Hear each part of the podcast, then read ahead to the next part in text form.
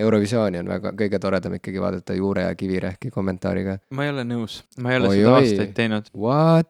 minu meelest on, minu meelest on Eurovisiooni kõige parem vaadata pooleldi purjus seltskonnaga, kes ei aja mind ära, kui ma terve aja mögisen. no aga ega need ei ole, sa saad ju kuulata Juure ja Kivirähki, kes ka aga on me, ma purjus. tahan, et minu kommentaarid oleksid see Aa, nagu tähtsamad nagu. tähtsamad, jah. Et nagu mind kuulatakse, minu naljade üle, minu halbade naljade üle naerdakse, sest noh, inimesed on juba pooleldi purjus. Mhm. okei, no siis sa oled lihtsalt äh, väga ambitsioonikas nagu. Eurovisiooni osas sa tunned, et Juure ja Kivirähki möla nagu ohustab sind kuidagi või et nad Jah. nagu, et sa pea- tahaksid tegelikult olla nende asemel. ei no lihtsalt ma, ma ei saa sellest värgist nagu aru, et vaata nüüd nagu Eurovisiooni mõte on see, et istume maha ja vaatame midagi totakat. ja noh, natukene kommenteerime seda, mulle ei meeldi nagu selline pahatahtlik äh, mõnitamine. Nad ei olegi ei, ma, pahatahtlikud. ma tean, ma praegu siin jällegi mitte otseselt suunatud sinna, aga ma ise ka vahel tunnetan, et see probleem on, et kui ma näiteks tweetin mingeid asju Eurovisiooni kohta, et ma vahel lähen natuke üle piiri, ma, ma teen mingit nalja, mis pole võib-olla viisakas nali Mhm. aga ütleme selline noh, Eurovisioon on sihuke natukene nii ehk naa sihuke veider asi, et selle üle võib naerda küll ja, ja kindlasti on see täiesti mõistlik. aga, aga et, et noh, nagu ma ei taha, et sel hetkel, kui inimesed tulevad kokku, et seda Eurovisiooni nau- nautida ja vaadata ja lolli nalja visata, keegi ütleb, ma tahan kuulata, mida Juur ja Kivirähk räägivad, olge tasa. aa, okei, vot okei. see ei ole nagu point minu meelest.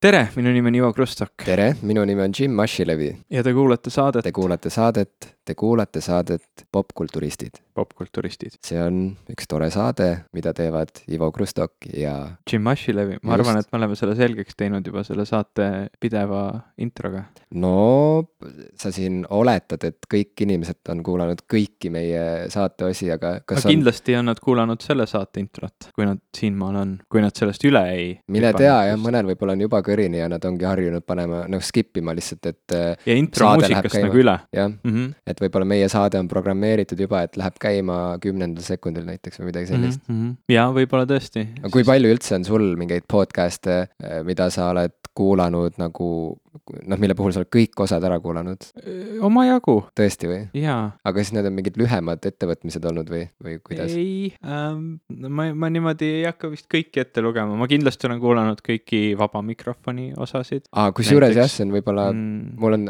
mingi kaks tükki võib-olla nüüd kuulamata, sest et ma olen ühte audioraamatut kuulanud, millest ma tahan sulle rääkida, Mm -hmm. aga nii. ja siis on Hello Internet, Cortex, aga neil on ju mingi tuhat osa mõlemal. aga ma hakkasin mõlemat kuulama sellest hetkest, kui nad nagu alguses välja tulid. ma arvan, et ka No Such Thing as a Fish, kuigi on täiesti võimalik, et ma olen mõne osa vahele jätnud, et on, on jäänud kogemata. sama on vist Dear Hank and Johniga. kindlasti olen ma kuulanud igat viimast kui popkulturistide osa ja ma ei teagi, muudega on vist nagu natuke keerulisem. teiste, teisi ma niimoodi äh,, niimoodi kindlalt pole kuulanud. ma olen ka, jaa, ma olen kuulanud kõiki Mina disaineri osasid, mis on vist podcast, mida enam väga ei, ei ilmu. ja seda ju ongi ainult äh, kolm osa, kolm osa. seda on väga lihtne kõiki osa, osi kuulata mm. -hmm. äh,. nii et noh, mõni ikka on jaa ma ütleks, et mul on äh, globaalsete eestlastega täitsa hästi mm. -hmm. okei okay,, mul on sealt võib-olla mingi neli osa nüüd kuulamata või midagi sellist, aga samas hea meelega kuulan ühel Mhm. hetkel, et see ei ole see, et, et ah, las need jäävad või midagi. nii et põhimõtteliselt võib-olla kvali-, kvalifitseerub. Bret Easton Ellis podcast, kõik otsast lõpuni kuulatud ja, ja, ja Mm. see on nagu mu kõige-kõige lemmikum Mm. podcast üldse um,. siis ja vaba mikrofon jah, et äh, ega muidu küll ei suuda nagu võtta niimoodi süstemaatiliselt ette.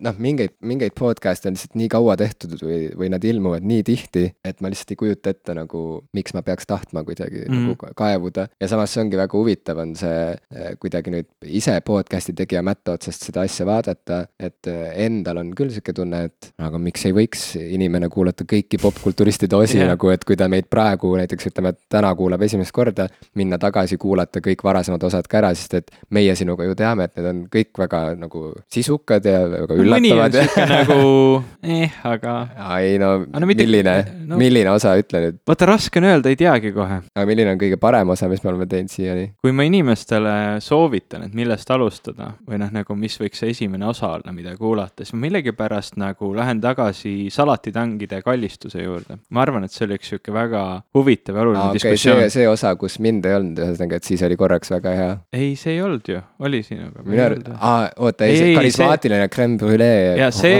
ei, me kindlasti ikka mõlemad. rääkisime seal sellest teemast salatitangide kallistus, millest me rääkisime seal? äh,. väga raske on täpselt mäletada. salatitangidest ei, ilmselt. ei, see oli, see oli kuidagi seotud sellise nagu läheduse väljendamise vahel, selle nagu, kui raske on nagu lähedust väljendada, siuksed küsimused olid õhus. Mm. aga ma ei, nüüd, kui ma pean nagu päriselt mõtlema, et millest me siis seal rääkisime, siis ma ei mäleta. ja see, see on nagu peaaegu vist iga osa kohta. Mm -hmm. samas, kui ma mõnda osa kuulama hakkan, nagu paar sekundit kuulan, siis ma, ma tean kõik, mis siin juttu Jaa, on ja, ja ma ei viitsi enam. aga teisalt jälle, ega ma niimoodi täpselt ei, ei teagi. mis sinu lemmikosa on olnud? ma ei tea, kõige esimene osa, sest et see oli nagu emotsionaalselt kõige olulisem, selles mm. -hmm. mõttes, et see oli sihuke, sihuke habras moment, et me kumbki ei teadnud, et mis saama hakkab mm. -hmm. kas saab olema raske ja piinlik või saab olema põnev ja naljakas. ja õnneks oligi see viimane variant ja, ja kuidagi need teemad, mis me seal arutasime, need ka kohe kuidagi loksusid paika või tundusid nagu olevat sihuke äh,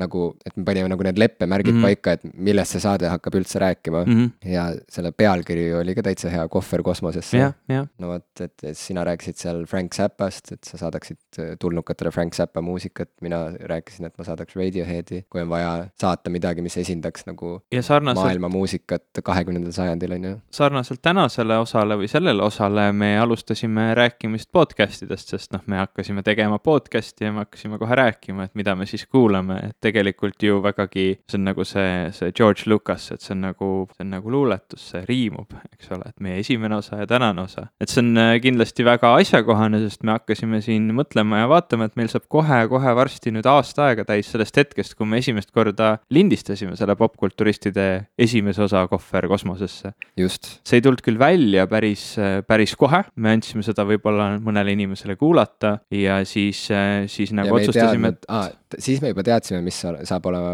meie podcast'i nimi. teadsime, me vist enne, ei, ei, ei, me ei, me ei teadnud veel, me nagu mõtlesime seda veel selle vahe, vaheaja jooksul, kui me salvestasime ja välja andsime, et mis see nimi võiks olla vist. mis meil oli see mingi imelik pealkirja variant enne See oli see- päris pikalt, mis tundus, et võib-olla jääbki see oli see mm, introvertide Padjaklubi. padjaklubi, jah, ma tahtsin öelda jututuba millegipärast Jaa. jah, aga see nagu, see kuidagi see popkulturistid klikkis ära, ma mäletan, sa kirjutasid mulle õhtul, et ähm, tead, ma just pesin hambaid ja mul tuli geniaalne mõte. vot, see oligi see popkulturistide mõte. ja ma veel enne seda istusin poti peal ja brausisin nagu erinevaid äh, podcast'e, et mis on üldse olemas. kas sa hetk, ei kus- ütelnud mitte, et sa ei tee seda, et ja see on sinu meelest nagu täiesti mitte aru, see aktsepteeritav hetk, kus ma seda tegin erandi, sest ma tundsin, et, et ülejäänud maailm teeb seda, on ju. -hmm. väidavad, et neil tuleb potil head mõtted, mul pole Mhm. mm. kunagi sihukest nagu, ma pole kogenud sellist Villu. Tammel on terve laul selle kohta, sitapoti revolutsionäär. no vot, proovisin ära ja ükskord küll toimis jah, selles mõttes, et, et, et seal nagu hakkas see mõte idanema, ma kuidagi vaatasin, et mis ühendab nagu häid podcast'i nimesid, et mis mm, Mhm. -hmm. mis neid iseloomustab ja siis mulle tunduski, et, et neid iseloomustab see, et, et see pealkiri on väga meeldejääv, lihtne, piisavalt huvitav, aga samas ta ei ole mingi omaette leiutis mm, Mhm. -hmm. vaid ta on kuidagi, et sa näed seda pealkirja ja sa saad kohe aru, mida mm, Mhm, -hmm. mida mhm. sulle pakutakse. Jaa. ja selles mõttes popkulturistid oli nagu sihuke imehea sähvatus, et ma sain aru, et noh, see on ju täpselt see, mida me otsisime, see on täpselt see, mis me hakkame tegema. jaa, ja üleüldse see sõnamäng ka, sest et, et popkulturist, et seal on ju, et noh, et seal on see popp osa ja siis kulturismi osa on ju, et noh, kultuuri osa ja kultuur jah, nagu mingil valel moel vaata, sest et Mhm. tegelikult ega kultuuriinimene ei ole kulturist, on ju. et ja samas meie, me oleme kaugel kulturismist, Jah, aga samas me oleme, me võime olla popkulturistid, vaata ja kõik see, et see oli nagu väga tore. tundus toimivat, eks ole. jah, aga nüüd ongi see nii sisse töötatud, et see on nagu, tundub, et kuidagi teisiti see ei saakski olla ja nüüd kes me oleks, aasta, kui me ei oleks popkulturistid, eks me ole. oleksime ümmargused nullid jah, ja, ja nüüd ongi aeg hakata tähistama seda, et eh, me tõusime sellest nulli staatusest äh, ikka jah. tähtede ligi. Ma olin- et eh, mis, mis me siis teeme, et tähistada? ma olin täiesti kindel, et me peame tähistama sellel päeval, kui, kui meie podcast välja tuli, esimene podcast, aga siis ma vaatasin, et see oli kakskümmend neli juuni ja sellel päeval me ilmselt mingit oma pidu korraldama ei hakka, et jaanipäeval väga, väga Konkureeriv üritus. jah, ei, ei hakkama ei saa. nii et siis ma mõtlesin, et mis see siis teine variant võiks olla, et kaksteist juuni me lindistasime podcast'i, see oli, see on nagu selle alguse hetk, see on see esimene hetk, kui me istusime maha, nüüd hakkame tegema ja, ja see nagu kaksteist tundus juuni kaks tuhat kuusteist olgu ajaloo annaalide tarbeks märgitud. jah, ja, ja see on esmaspäevane päev, nii et siis tundus, et see nädalavahetus enne seda, ehk siis praegu jäi nagu selle peale, et kümnendal juunil me võiksime tähistada. me ei ole veel sada protsenti kindlad, kus ja kuidas, vist me siin natukene mõtlesime, arutasime Jah, seda teemat, aga me oleme ühel meelel, et see peab olema ikkagi mingi paik, kuhu saavad tulla ka teised inimesed. koht ruumis, jah, me ei saa mm. -hmm. teha seda näiteks eh, siin teie elutoas, sinu ja Eeva elutoas sest et me, siia mahub vähe inimesi, on ju. me, me ikkagi katsume nagu mingit sihukest staadioni kontserdi mõõtu välja anda. et see peab olema mingi paik, kuhu Näiteks mahub nagu vähemalt sihuke laulupeo mm. -hmm. nagu seltskond ära, on ju. okei, noh, oleme nõus ka järeleandmisi tegema, võib-olla siis nagu võtame mingi natuke väiksema koha, aga igatahes mm. -hmm. peab olema mingi paik nagu, kuhu Jah. saab tulla. Ja teiseks, seal võiks olla mingisugune Värk. hea põhjus, milleks veel tulla, et, et Mhm. see oleks tavapärasest kuidagi veel erilisem, et, et oleks mingisugune noh, midagi veel, mis kuidagi äh, õigust, õigustaks, mis õigustaks Jah. seda õue tulemist, et muidu ju ega seda podcast'i me ju seal peol, et nimetame seda peoks, mm. -hmm. me ju salvestame seal ikkagi, me teeme siukse live osa, Mhm. on ju, live salvestuse äh,. seda saab hiljem ju järele kuulata, nii nagu kõiki meie osi. Aga mis on see eriline miski, see lisaväärtus, mis on veel olemas, lisaks sellele, et inimesed saavad näha meid, eks ole Jah. Mis on ju ülisuur lisaväärtus, ma arvan kindlasti, et saad katsuda meid, nuusutada ähm, noh, mida iganes teha meiega tegelikult on ju, me oleme sellel õhtul, me oleme valmis milleks iganes, on ju, sa oled sellega nõus, on ju, kõigega nõus Uh, põhimõtteliselt nagu nagu, nagu, nagu on see mingi film, vaata, kus ja, Ma- Rick, Rick and Mortis oli ka üks osa, kus ma olen nõus, et te võite katsuda ja teha Jimiga mida iganes te tahate, et noh, selles suhtes ma, ma olen sinuga ühel lehel. no no okei. Okay., okei okay,, ma olen sellega ka nõus, aga midagi peab sinu jaoks ka, sa pead ka midagi, noh, Ma sa pead midagi pealt. ikkagi nagu pean inimestele andma midagi sa pead endast. midagi andma Mhm. endast ja see ei ole päris nii, et tuled ja istud käed rüpes ja kuidagi Mhm. oled niisugune passiivne nagu kättesaamatu, et kui sa juba tuled ikka nagu ra rahva sekka, on ma ju, panen et siis lipsu vahele, ei, ma võtan lipsu ära, ma ei tea, mida ma teen, kuidas ma riidesse okay,, peaksin ennast alustuseks panema. võid võtta lipsu ära, vaatame, Kuhu me edasi jõuame, on ju, jah. aga vähemalt aga, seegi. aga mütsi võid pähe jätta jah, võid jätta. no nii, Ivo võtab lipsu ära, mm. -hmm. mina annan ennast ära, kui keegi soovib, on ju, sel mm. -hmm. õhtul, nii. ja, ja see, kui sellest ei piisa, siis võiks ju midagi veel olla seal mm. -hmm. mis oleks tore, et inimesed võiksid jääda isegi kauemaks ajaks sinna paika hängima., mingit meelelahutuslikku sisu. ühesõnaga, see kõik on praegu väga salapärane, võib-olla me õrritame, võib-olla me midagi teame juba, aga võib-olla ei tea. igal juhul, mis on paigas, on see kuupäev, Mm -hmm. ütle uuesti see kuupäev, kümnes juuni, kümnes see juuni on laupäev. laupäev, kümnes juuni kaks tuhat seitseteist ja linnaks saab olema Tallinn, nii et Jah. vabandust, kuulajad, kes te olete mujal, katsuge lihtsalt sellel õhtul siis või, või, või päeval, ma ei tea seda kellaaega veel, aga katsuge lihtsalt kuidagi sättida ennast Tallinnasse, ma ise ka katsun ennast sättida Tallinnasse, mina kui mitte tallinlane. Mm -hmm. Nonii Jah., olete oodatud ja äh, hoidke kõrvad kikkis, me varsti ütleme konkreetselt, kus, mis, kes, miks. Sellest saab olema info meie Facebookis, facebook.com kaldkriips popkulturistid, sellest saab olema info meie Twitteris, twitter.com kaldkriips popkulturistid. Ja kindlasti meie Patreonis, kindlasti meie koduleheküljel, ükskõik kus vähegi see info saab olema, saab olema seal ruttu, võib-olla selleks hetkeks, kui te seda osa juba kuulate, on midagi selgunud, midagi on juba üles pandud, mingi inf liigub, aga hetkel täna, kui me seda salvestame, oleme me natuke veel salapärased. No mis muidu siis, Ivo, millest me veel täna räägime? mis muidu toimub?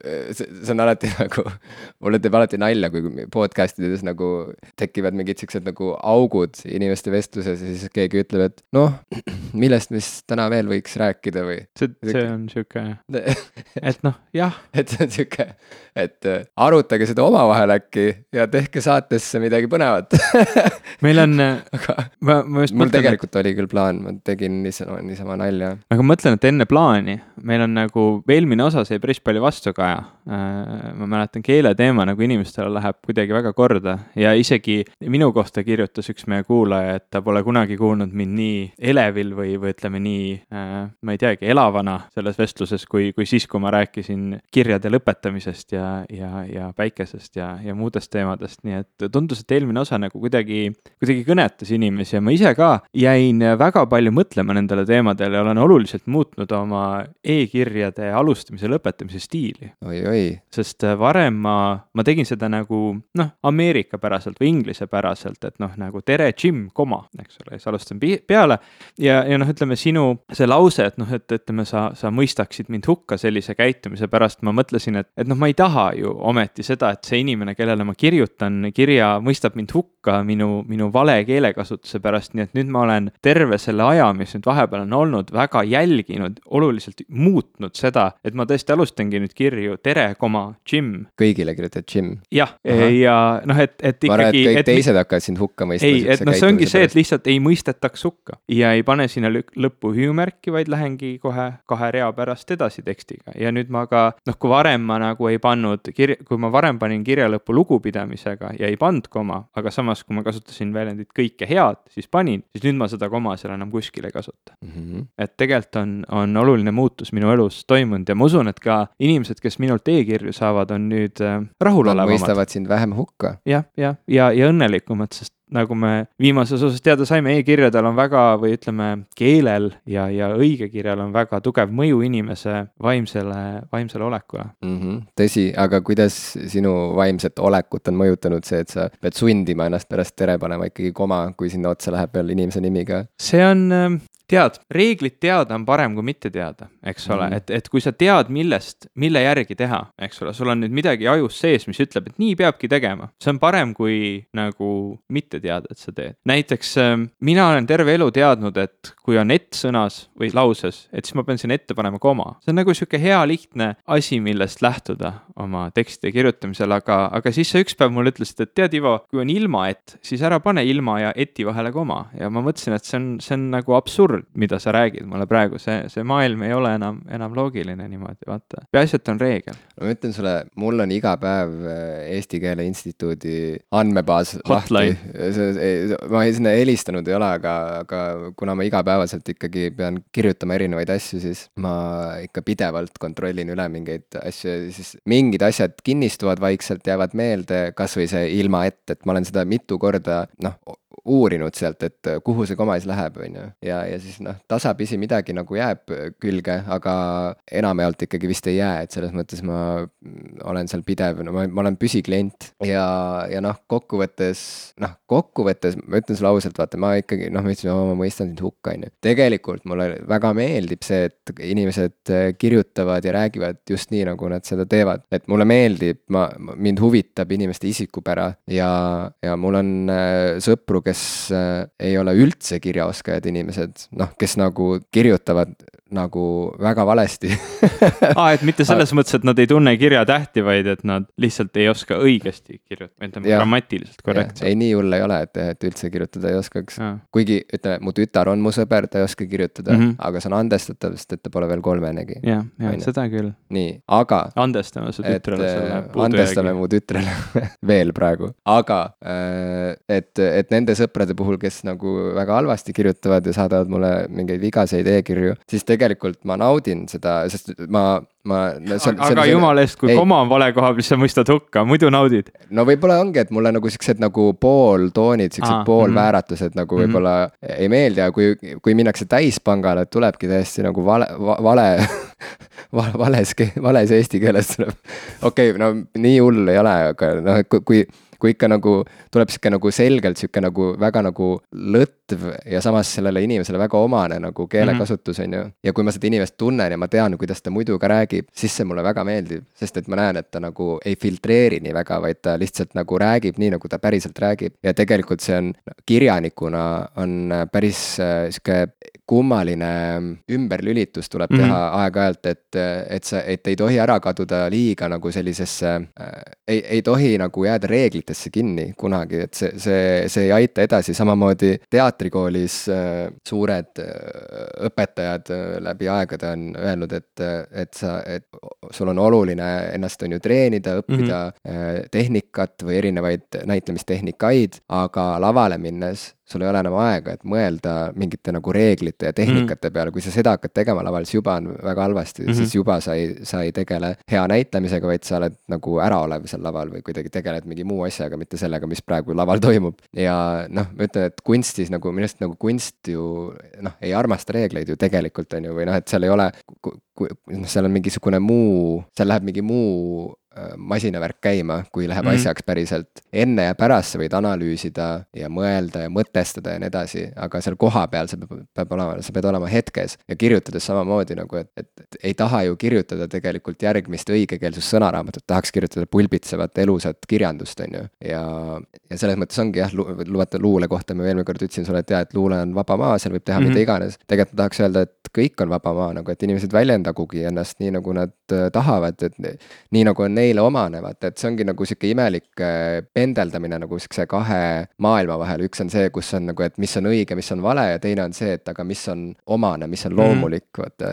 ma olen, ma olen ka seda diskussiooni nii enda kui vahel teistega pidanud, et noh, et, et mingi asi, et noh, see ongi minu stiil. aga noh, samas. Äh, stiil, jah. seal on nagu ka see aspekt, et mulle siis tuuakse välja, jah, aga sinu stiil on halb no. et, et see ei ole nagu mõistetav või see ei ole lihtsasti loetav ja ma olen väga palju tänu sellele õppinud, äh, noh, mina ei ole loomult väga hea kirjutaja läbi kogu läbi kooli, mul oli kirjutamisega väga palju probleeme. Äh, kirjandi ma vist sain viiskümmend kaheksa punkti, minu, minu eksamite keskmine tulemus oli üle kaheksakümne, enamus mu eksamid olid kõik üle kaheksakümne, üle üheksakümne ja siis kirjand oli viiskümmend kaheksa. et mul, mul tegelikult ei ole seda, mul ei ole see nagu olnud olemas, see, see, see võimekus või, või oskus ja ma, ei suutnud seda ka kooli ajal nagu piisavalt hästi treenida. võib-olla ma täitsin liiga palju tekst, tekstülesande või mis need on, need vihikud mingid, mitte tekstülesanne, vaid, vaid. töövihikuid. töövihikuid, võib-olla ma täitsin liiga palju töövihikuid ja kirjutasin etteütlusi selle asemel, et õppida kirjutama erinevaid tekste. ma, ma ei tea, millest see on või kas see on kooli süü või minu süü, pigem ilmselt minu. ja, ja nüüd, kus ma olen pidanud äh, kirjutama väga palju tekste erinevat moodi, väga palju ametlikke tekste, väga palju ähm, dokumente töö jaoks, väga palju artikleid, ka natukene sellist vabamat kirjandust. nüüd ma nagu tunnen järsku, et, et noh, see, see kogemus on kasvatanud väga palju, kui ma vaatan tekste, mida ma kirjutasin keskkoolis, püüdsin kunagi luuletada, aga sellest ei tulnud mitte midagi välja. Äh, need ei olnud lihtsalt head luuletused Äh, et, et noh, see, see areng on olnud tegelikult päris suur just tänu sellele, et noh, ma olengi, ma olengi pidanud seda tegema, inimesed mulle öelnud, et see, et sa ütled, et see on minu stiil, ei ole nagu väga hea vabandus just selles osas, et sinu stiil ei ole arusaadav. noh, kasvõi see, et, et kui sa midagi kirjutad, et noh, et, et kas sa, kas sa tead, mida sa sellega öelda tahad. keskkoolis no, ma ei teadnud alati. ja ei, see ongi täpselt, see, no see ongi täpselt see point, miks on jube hea olla teadlik, mis on üldse võimalik mm -hmm.. noh, kui sa kasutad keelt oma töö töövahendina, mis on keeles üldse võimalik, et see, seda loomulikult, et siin see võib-olla ajabki inimesi kuidagi vihaseks äh, või tekib sihuke, sihuke refleksist nagu vihastatakse, sest et, et siis jääb mulje, et me jutlustame kuidagi mingit sihukest noh, ignorantsust põhimõtteliselt, et mm, -hmm. et ah, et ole isikupärane, et ära õpi eesti keelt nagu selgeks, on ju. et, et see ei ole üldse nagu see jutt, vaid see on just see, et, et, et lihtsalt, et kui läheb asjaks, vaata, et see on, minu arust see on jälle sihuke nagu oma, omamoodi et igaüks peab ise leidma enda sees üles selle lüliti, et kuidas ta saab olulistel hetkedel, näit-, näiteks kui sa kirjutad luuletust, et kuidas lülitada enda peas välja see probleem üldse või mm -hmm. see mhm. muretsemine, et kas sinna ilma ett nagu vahele, ma tean, et sa siis ei muretsenudki, kui selle koma panid, kui, kui ma hakkasin, kui Tead, ma, ma muretsesin pärast, küll, aga siis ja. ma, ma lihtsalt arvasin, et ma teen õigesti. aga noh, see ongi nagu, et, et noh, et pane luuletusesse koma sinna, kuhu sulle nagu tundub, et on vaja see koma panna, vaata, see ongi täpselt see, et lülita korraks välja nüüd see emakeeletunni nagu mm. sihuke jutlustav ahvikene nagu õla peal, on ju, et.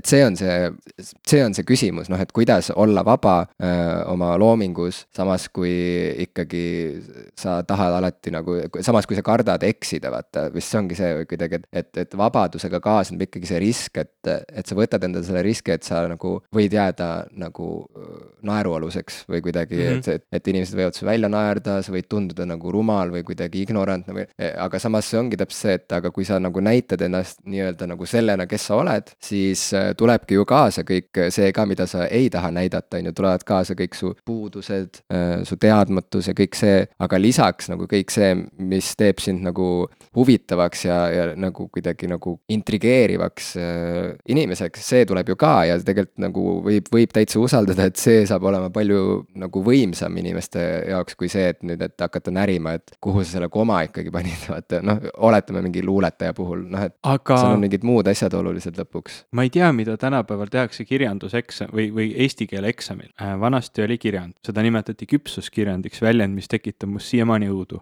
äh,. see on sellest, selle, selle pealkirjaga tegi Merle Karusoo isegi minu arust lavastuse. küpsuskirjand. jaa, Merle Karusoo, Eesti legendaarne, ela-, elav legend, legendaarne mm, dokumentaallavastuste tegija, et ta tõi selle žanri Eestisse mm., et et tema kõige tuntum teos on Olen kolmeteistkümne aastane mm, -hmm. mis mhm. kaheksakümnendatel täiesti oli sihuke nagu rock n roll äh, saavutus nagu Eesti teatrimaailmas, aga põhimõtteliselt ta tegi, tegi ka lavastuse, mis, kus, äh, mis, mis baseerus tol perioodil keskkooli lõpetanud õpilaste kirjanditel. Nagu, ja, ja minu arust see oli küpsuskirjand, mis oli selle aga lavastuse pealkiri ka. kas siis sellises kontekstis peaks lähtuma sellest, et katsume nüüd võimalikult äh, heas ja korrektses õigekirjas selle, selle nii-öelda kirjandi kirjutada, ma ei tea, kas kes, keskkooli õpilased on juba oma emakeele eksamit hakanud tegema ja kas nad saavad meie nõu nüüd kuulda võtta või peaks seal pigem lähtuma siis sellest, et see on minu nagu omapärane väljendusstiil. minu arust seal ikkagi ei huvita kedagi see omapärane väljendusstiil, mulle jääb sihuke, mul, mul, mul, on jäänud meelde sellest ajast, et ikkagi kirjand on sihuke sisse töötatud formaat, kus Äh, õpetajad ootavad ikkagi mingit, äh, spetsiifilist, spetsiifilist ülesehitust mm -hmm. sellele teemakäsitlusele ja muidugi, kui keegi minu käest küsiks, siis ma ütleks, et äh, võiks lõpukirjandi asemel võiks anda vabaduse inimesel kirjutada noh, mida iganes, et, et on, ütleme, teemad võib-olla on antud, aga ta võib kirjutada näiteks mingi luuletuse, on ju, et ta võib kirjutada mingi ta võib mingi eksperimentaalkirjandust seal mm -hmm. harrastada, on ju, et, äh, et see ka näitab ju mingit nagu arenguastet tegelikult mm, -hmm. et kui sa suudad äh, äh, kunstilist teksti luua, millel on kuidagi nagu lööki mm. -hmm. Äh, aga noh, minu arust nagu vähemalt, vähemalt sel ajal, kui meie sinuga keskkooli lõpetasime, siis oli ikkagi oluline see, et, et äh, mis on, millised su mõtted on, vaata, et mida mm -hmm. sa mhm. nagu arvad mingist asjast, noh, ongi, et kui on mingi isamaaline teema, et mis sa siis arvad sellest meie isamaast, vaata. mulle no,, mulle jäi alati nagu sihuke mulje, et sa ei tohtinud seal ka väl, väga midagi ekstreemset väljendada või midagi nagu tugevat, aga see võis ka olla selline sis, sisse programmeeritud noh, nagu või, või sihuke sisse kulunud asi, et noh, et ma ei julge nagu koolis võib-olla midagi liiga noh, eriti just eksami kontekstis, koolis muidu oli ju väga huvitav igasuguseid piire lükata ja proovida ja katsuda, sest see vanus oli õige. aga, aga kirjandi puhul ma küll tundsin, et kui ikka küsitakse, küsitakse näiteks mingit isamaalist teemat lahata, et siis tuleb ikkagi olla tubli ja, ja tsiteerida Lydia Koidulat ja, ja noh, seda, seda väljendada siis nagu sel, sellisel ootuspärasel viisil võib-olla. aga võib-olla ma eksin, võib-olla just äh, ma sain nii vähe punkte, sest ma ei, üldse ei saanud pihta, mida ma tegin. aga minu arust see on, äh, see ei ole ainult kooli puutuv teema, vaid see on üleüldse suur teema elus, äh, et kuidas nii-öelda jääda, kuidas saada ja kuidas jääda iseendaks ja mida see tähendab, mis asi on vabadus, mis on need riskid, mis sellega kaasnevad, kuidas mitte karta eksimist, kuidas olla vaba, et mul sellega seonduvad tegelikult kaks teemat, millest ma tahtsin sinuga täna rääkida. üks neist on üks teema, teine on teine teema, vali kumba sa tahad,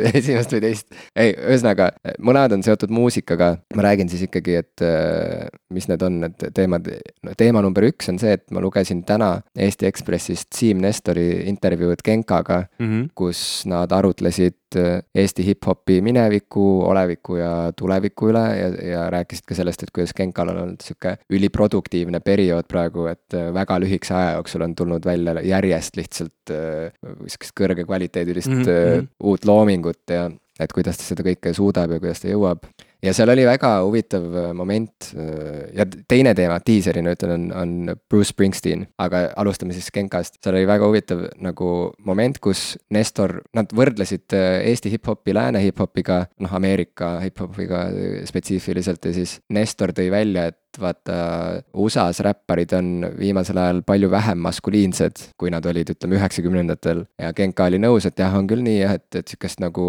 et seal toimuvad ka mingid muutumised ja see on nagu väga huvitav ja et ta ka ootab, et hip-hop ikkagi nagu üllataks ja oleks kuidagi arenev, on ju, ja, ja, ja nagu mitmekesine ja siis nad kuidagi mõlemad olid nõus Nestoriga, et, et tõepoolest Eestis eh, ikkagi on sihukest nagu kõvatamist palju rohkem hip-hopis endiselt. et, et ma, et sihuke macho olek nagu käib asja juurde kuidagi, et see stamp endiselt on nagu väga tugev. ja noh, Genka ütleski, et, et, et ega ju tegelikult ei pea nagu alati kõvatama et, et pigem on huvitav, kui sa nagu näed, et äh, mingi tüüp nagu esineb, on ju, ja sa nagu tajud seda jõudu kuidagi subtiilsemalt, noh, et sa tajud, et, et temas on see mingisugune jõud, et kui vaja, ta lööb sul nagu jalaga ukse eest, vaata. aga noh, et noh, siin on ka mingi kerge mingi macho moment sees, eks ole, aga mm -hmm. noh, põhimõtteliselt noh, saad ju aru, mida ta mõtles, on ju, et, et ei pea nagu alati nagu rööp rääkima ja nagu mingid nukid ei pea nagu välkuma konstantselt. ja see ongi nagu hullult nagu, mind puudutas see teema sellepärast, et noh, mina olen hip-hopi ikka terve elu kuulanud tõesti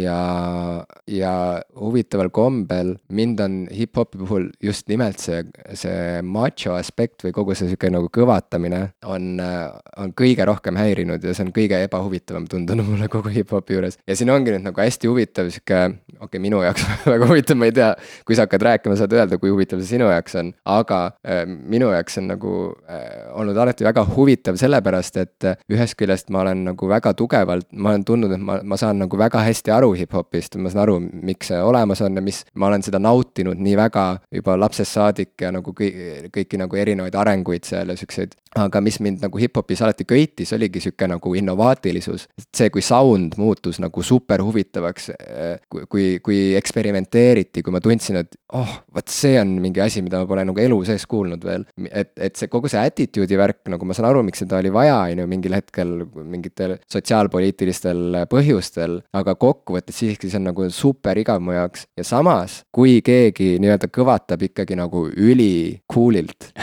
siis see ikkagi mulle väga meeldib okay.. et ütleme, et mm -hmm. see, et Kanye West nagu lihtsalt nagu teeb terve albumi sellest nagu, et äh, ongi, et mingi, et keppisin hästi palju modelle ja läbi ja, ja, ja siis noh, kuradi ostsin endale kolm lennukit ja noh, et mingi sihuke, ma saan aru, et see on ka nagu mäng, et ta mm -hmm. nagu on ju, et kuidagi tiisib, on ju. aga see lihtsalt ei huvita mind, noh, kokkuvõttes mm. -hmm. aga samas, kui Fifty Cent on ju mis lugu tal on sellelt eelmiselt albumilt, see Irregular Heartbeat. Äh, see ei ole üldse vana lugu, ma arvan, et see tuli võib-olla no kolm-neli aastat tagasi võib-olla tuli välja. ja no, ja see on sihuke, no ainult nagu kõvatamine seal nagu toimub, kui see on nagu puhtalt sihuke nagu, sihuke nagu tapan su ära tüüpi lugu, nagu räpis on, vaata sihuke eraldi sihuke žanr, žanr või sihuke nagu mm -hmm. al alamžanr on sihuke tapan su ära, mida DMX põhimõtteliselt tegi kogu aeg. okei. ma pole nende alamžanrite artistidega nii, nii nii lähedalt tuttav. DMX-i me ikka kuulasime klassivendadega, kõik olid jube elevil, kui mm. DMX räppis, et I have got blood on my dick cause I fucked the corpse kõik olid nagu, ossa raisk et vaata, kui keegi paneb nagu, nagu right. nagu, kui keegi lükkab nagu nii põhja selle pedaali mm., siis see on jälle nagu, ongi, noh, see on kas nagu naeruväärne või see on juba nagu, et okei okay. veenev, veenev, vaata mm. -hmm aga kui ta on sihuke nagu lihtsalt sihuke, et sa saad aru, et keegi nagu täidab mingit stampi, sest et nii see räppimine ju käib, et ma pean nagu ennast nüüd hästi puhevile ajama ja kuidagi nagu hästi tähtsaks tegema ja kuidagi ainult põrkama inimestega, vaata, et siis. jah, nagu ajad ikka ennast laiali. jah, et siis tekib sihuke tunne, et, et okei okay, ja, ja rahu, rahu, on ju, et me saame aru, et sa oled nagu jube kõva mees. aga noh, millest sa veel muidu mõtled, vaata, või noh, et kas on mingeid teemasid veel, mida me võiksime arutada, et siis jah, et selle äh, Irregular Heartbeat näiteks on täpselt sihuke lugu, kus nagu jällegi, et kõik on nagu ülisubtiilne, nagu väga, see on väga vaikne lugu, väga sihuke tasane. kuulad seda ja see on nagu nii hirmus, sest et sa nagu saad aru, et ta ei tee nalja et Fifty Cent ei tee nalja, et ta päriselt, teda on püütud tappa, ta teab, mis asi on surmahirm, ta on selle ületanud ja nüüd ta ütleb sulle, et kui sa minuga, saad aru, kui sa hakkad mingit kuradi paska nagu korraldama mulle, on ju. siis pea meeles, ma tapan su ära. no põhimõtteliselt see, see mm, -hmm. see ei ole nagu sõna-sõnalt, aga põhimõtteliselt see vibe, vibe on umbes sihuke, on ju. kus sul ei teki nagu kahtlust, et oota, kas see on mingi poos praegu või mis asi, on ju. Äh, et noh, et, et see on jälle äge, aga kokkuvõttes noh, ma ei tea, Raisk, vaata, kuna ma ise ei ole eales nagu tundnud ennast üldse mingisuguse nagu macho sa, inimesena. ma tunnen, et sa lähed ise vaikselt siin nagu machomaks, sihuke. rääkides või? ja, ja, ja. aa, väga hea testosterooni tase tõuseb. kui sa hakkad nagu mõtlema juba Fifty Centist ja, ja mis oli DMX ja. DMX jah, no aga, aga kuidas sa oled sellesse suhtunud läbi elu, ma, ma tean, et sa ei ole eluaeg olnud mingi hip-hopi kuulaja. et sa olid metalimees, aga metalis mm -hmm. on ju samamoodi mm -hmm. väga tähtis sihuke nagu agressiivsus, et see on see esimene asi, mis sul seostub, on see, et keegi karjub tule, tuleta, tuleta mulle meelde, et ma jõuan sinna tagasi okay. selle metalli teema juurde, ma alustan sellest, et ma lugesin ka seda artiklit äh, Ekspressist ja see, see meeldis mulle väga, see oli selline kaks inimest, kes tegelikult mõtlevad väga palju muusikast omavahel, nüüd räägivad muusikast, see on, see on alati nii põnev, sest äh, tihtilugu, kui on mingid artiklid äh, muusikutega, et oo, sul on uus plaat väljas, kuule räägi, mis värk on. et need, need on nagu nii igavad intervjuud, sest nagu sa näed, et see artist võib-olla püüab seda vestlust nagu kuidagi suunata sellise nagu noh, igasuguste selliste sisulise diskussiooni poole üldse muusikast või sellest albumist, aga noh, lõpptulemus on see, et ta tahab promoda oma plaati ja, ja see teine inimene tahab noh, lihtsalt korra rääkida, ega ta nagu võib-olla nii sisuliselt seda ei pruugigi alati teada, aga aga nii lahe on, kui on nagu noh, kui sa näed, et tõesti muusikaajakirjanik teeb intervjuu muusikuga ja seal ei olegi ainus eesmärk see, et, et nüüd seda ühte plaati promoda, vaid nagu võib-olla rääkida laiemalt sellest teemast, et. väga nõus. et see Genka, ma ei tea, mis oli, neli plaati mis ta see aasta välja lasknud on. võis olla, jah Äh, et see oli võib-olla siis hea põhjus rääkida nagu sellest muusikakultuurist praegu Eestis üldisemalt. ja, ja see oli nagu nii vabastav ja minu jaoks ääretult oluline, et sihukest diskussiooni oleks, ma tahaks näha tõesti nagu rohkem seda värki, et keegi istukski näiteks Genkaga maha ja räägiks pikalt sellest, kuidas erinevaid riime luuakse, kui palju noh, tegelikult mitte ainult Genkaga, vaid üldse Eesti, Eesti erinevate hip-hop muusikutega, kuidas nad riime loovad, millest nad mõtlevad, kas nad mõtlevad läbi silbi ehitust või kuhu nad panevad rõhu või kuhu nad panevad need riimid, millal täpselt, kui kaua sa seda üleskruvimist teed, enne kui sa selle punchline'i sinna lõppu paned, kuidas see nagu mõtlemisprotsess toimib, kelle jaoks on see rohkem tehniline, kelle jaoks on see rohkem äh, selline noh, täiesti vaba vorm, et, et noh, vaata hip-hopis sa saad ju ka läheneda väga mitut moodi, nii palju, kui ma olen aru saanud teiste tegemistest, et, et Genka seal artikliski ütles, et, et see on nagu pusle kokkupanemine, eks ole, see natuke suunab sinnapoole, et ta mõtlebki seda tehniliselt ta kirjutab ühte teksti väga pikalt, otsib neid õigeid sõnu, et see nagu kokku tuleks ja samas on kindlasti ka artiste, kes panevad biidi taha mängima, kellel hakkab peas juba mingisugune, mingisugune asi käima ja see ongi nagu sihuke pooleldi improvisatoorne protsess, eks ole. et noh, minu jaoks nagu see on ääretult põnev ja see artikkel nagu natukene täitis minu seda, seda, seda soovi sellist teemat lugeda. ja see macho teema, kui ma seda lugesin, ta, ta nagu korraks resoneerus ka, millegipärast jäin rohkem selle tehnilise aspekti taha kinni seda lugedes, aga, aga selles suhtes on sul õigus, et ka minu jaoks on olnud räppmuusika juures natukene eemaletõukav just see, see nagu väga tugev macho pool, samas mingis vanuses jällegi ta oli nagu naljakas. Et noh, vaata, kui Eminem oli nagu äge, Eminem ei olnud väga macho räppar selles mõttes, ta, ta nagu, ta oli nagu naljakas räppar, ta nagu natuke mõnitas seda kultuuri, ta natuke viskas selle üle nalja, ta natuke nagu oli ka, aga samas ta oli ka jälle see vend, et, et sa nagu said aru, et ta teeb nalja, aga samas sa said aru, kui ta räägib tõsiselt. ja Eminem on super trikster alati ja. olnud ja see ongi, et ta ei ole kunagi, sa ei püüa kinni teda, noh, sa ei mm. saa teda panna mingisse lahtrisse, et ta on selline. vaid, vaid ta nagu lipsab sul käest, ta on lihtsalt nii nutikas ja nii kuradi, ta mõtleb nagu sada korda kiiremini kui sina, vaata, et ta on nagu kogu aeg sust nagu ees. aga sa et saad ka mõttes... aru, millal ta nüüd räägib ja. nagu irooniliselt ja millal ta, see on õige sõna, mida ma siin kasutasin, irooniliselt, mitte sarkastiliselt. no ta teeb seda kõike, ta, ta on irooniline, ta on sarkastiline, ta on. Äh, viimane kord ma kasutasin sõna düsleksia ja tuleb välja, et see ei olnud üldse õige mis on ka fine, aga aga jah, seal ongi nagu, nagu see pool, ma just vaatangi, mul on siin plaadiriiulis Kool D plaat Räpased riimid, mida ma omal ajal ostsin, sest ilmselgelt mulle see meeldis. ja nüüd tänapäeval kuulates, noh, see ongi nagu see hip-hopi areng ka Eestis, noh, neid tekste kuulates ei ole nagu naljakas minu meelest tihtilugu need lood enam, et noh, nagu võib-olla see tol ajal, tol ajal oli nagu ägedam sellist, selliste sõnumitega lugusid luua, kuidas ikka tütar on üksi kodus ja sina lähed ja, ja teed mida tahes, aga noh, ütleme tänapäeva kultuurilist konteksti arvestades see nagu, see on omandanud võib-olla kas teise varjundi, sest noh, tähendus on tihtilugu ikka sama, aga, aga see nagu noh, see oli siis nagu machotamine ja tänapäeval on see võib-olla juba liigne machotamine. et võib-olla see, see muutus ei ole toimunud mitte ainult selles, et lihtsalt ongi nagu mindud, et, et on juurde tulnud ka pehmemad artistid, vaid lihtsalt see nagu kultuuriruum enam väga ei taha sellist nagu väga tugevat, tugevat machotamist või, või ma ei teagi, kuhu ma sellega jõuda tahan. aga, aga see, see on mul mõtetes küll olnud, et minu jaoks siis, kui tuli Chalice välja, et siis ma, siis oligi see, et ma olin liiga vana, et pidada nagu A-rühma naljakaks enam tol hetkel. sest kui A-rühm välja tuli, siis ta oli sihuke ahaa, mingi head lollid naljad või midagi, sest ma ei saanud arugi kõigest, enamusest ilmselt.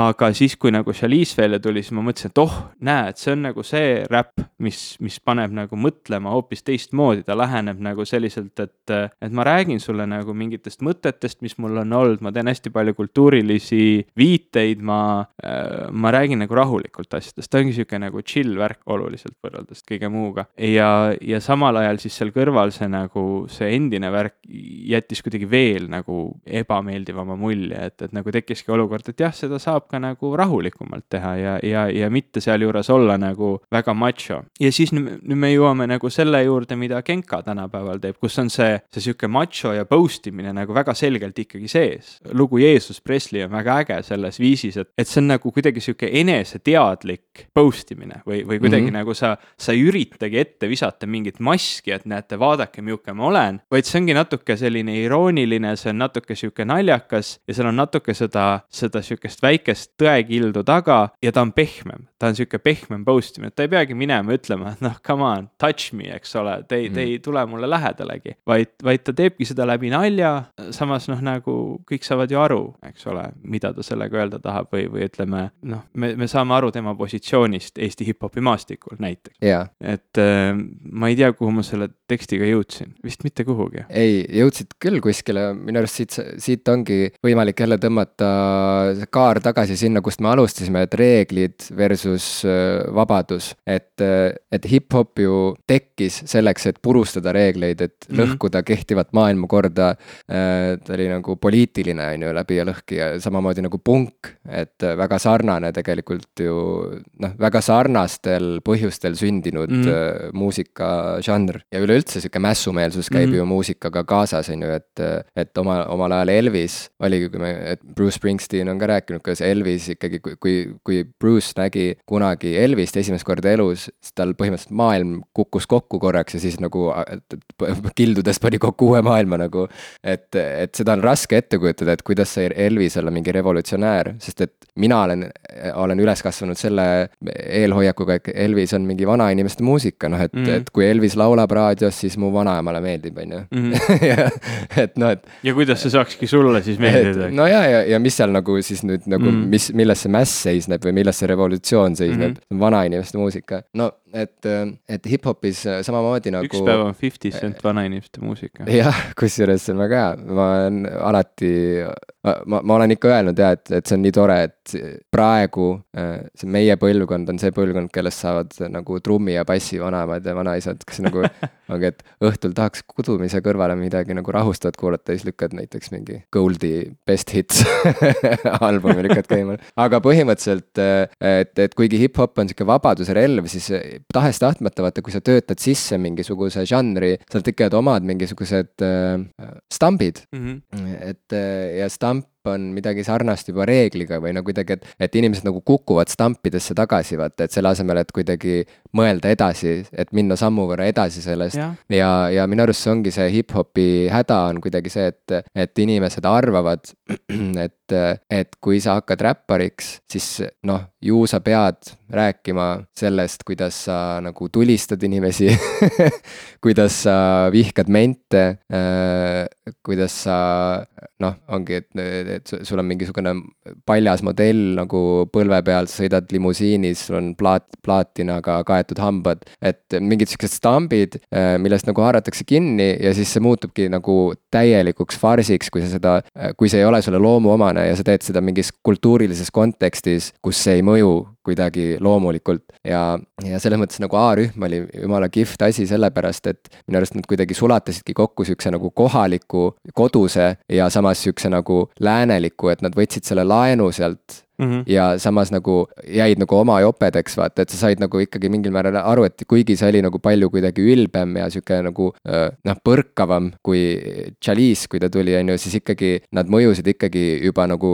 väga kihvtilt, noh, saad aru, nad nagu panid siin, nad noh, see, see sound, see beat ja kõik see nagu olek, seal oli midagi nagu julget ikkagi ja midagi uut siiski mm. -hmm. et ta ei mõjunud ja sama Cool D samamoodi, et ma ka nagu ikka nagu väiksena nagu väga palju kuulasin teda ja, ja naersin ja see lõbustas mind, kõik see tütarüksi kodus, kõik need ro roppused, see obstsöönsus nagu mm, -hmm. et ma nautisin seda äh,. et ma ei võtnud seda kunagi tõsiselt, et ma noh, Cool D minu arust esimene kassett, mis ta välja andis, seal ta ju poseerib äh, mingi Uusi mm, -hmm. Uusiga on ju, tal on käes on Uusi ja mingi märklaud, kus on augud sees.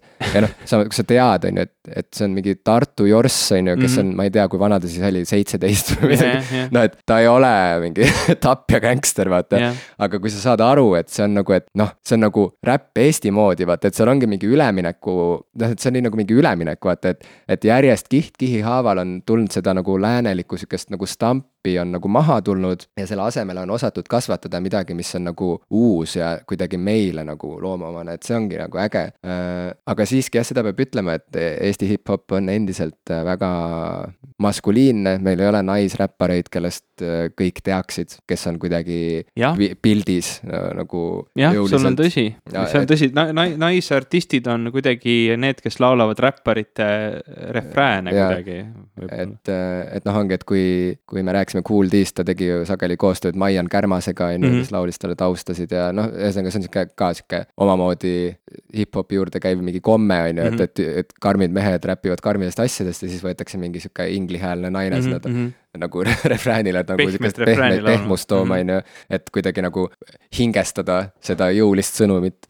Aga, aga, need... aga ega ka USA-s ei ole mingeid väga palju mingeid naisräpi näiteid ju tegelikult tuua, nii et see on sihuke üldine probleem. see on nii huvitav, kuidas see kommertsmuusika paikapanek ja lõhkumine käib, sest noh, kui, kui hip-hop kasvas välja sellest underground'ist, noh see, see kogu see lugu, kuidas see oligi selline tänavate muusika, sihuke mässumuusika, sihuke midagi uut ja täiesti teistsugust ja, ja reegliteta esialgu võib-olla, noh nagu ta tuli ja kui ta lõpuks areenile sai, kui ta lõpuks oligi see mainstream muusika, siis noh, siin võib vaielda ilmselt, ega ma neid asju nii väga hästi ei tea ka, aga üks esimesi sihuke tõsiseid kommertshitte oli Rapper's Delight, mis oli ju tegelikult noh, ütleme need need nii-öelda päris underground hip-hopi vennad seda kunagi tõsiselt ei võtnud, et see oli nagu sihuke, et nopitigi kokku parimate artistide mingid fraasid, visati kokku mingi laul, tehti ära, see laul sai meeletult populaarseks ja kuidagi defineeriski ära selle, mis see nagu kommerts hip-hop nüüd on, mis see nagu, mida me kõik peame jäljendama selleks, et olla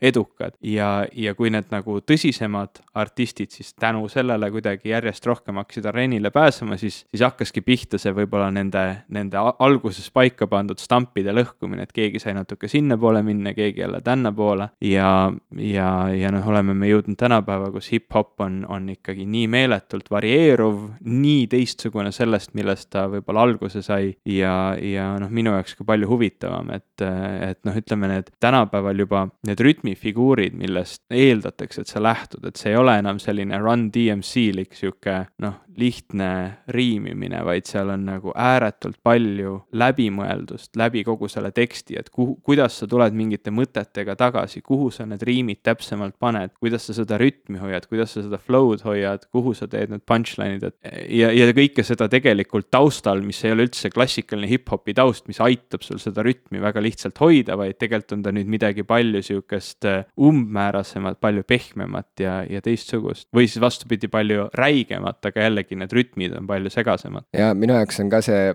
areng hip-hopis, areng on alati olnud nagu kõige olulisem osa hip-hopist mu jaoks nagu areng ja, ja, ja beat ütleme või areng ja sound või, et sellepärast mind ikkagi tõmbas kõige rohkem, ütleme üheksakümnendate, üheksakümnendatel ikkagi tõmbas nagu ütleme Busta Rhymesi, Missy Elliotti poole, seal Timbaland andis väga palju värvi nagu oma produktsiooniga äh,, siis ta nagu murdis mainstream'i, siis ta hakkas siukseid popartiste, eks ole äh,, produtseerima produtseerima, Nelly Furtado ilmus välja, kellest nüüd pole ammu enam olnud kuulda, aga äh, Justin Timberlake'i hakkas Timbaland, eks ole, toetama ja, ja kuidagi, et, et toimus sihuke sulandumine äh, Timbaland tõi mingi väga huvitava nagu väga dünaamilise, hoopis nagu kuidagi voolavama ja kuidagi nagu jah, nagu ühesõnaga dünaamilisema heli, kui oli varem, ütleme äh, just nimelt mingi Run DMC näiteks, mis on nagu hästi sihuke ähm, see on see vanakooli defineeriv hip-hop, eks ole. lihtsalt sihuke nagu, et vaata, kui disko kohta öeldi vaiba kloppimine, siis ma ei teagi, see äh, old school hip-hop, et on sihuke nagu mingi ämbri kloppimine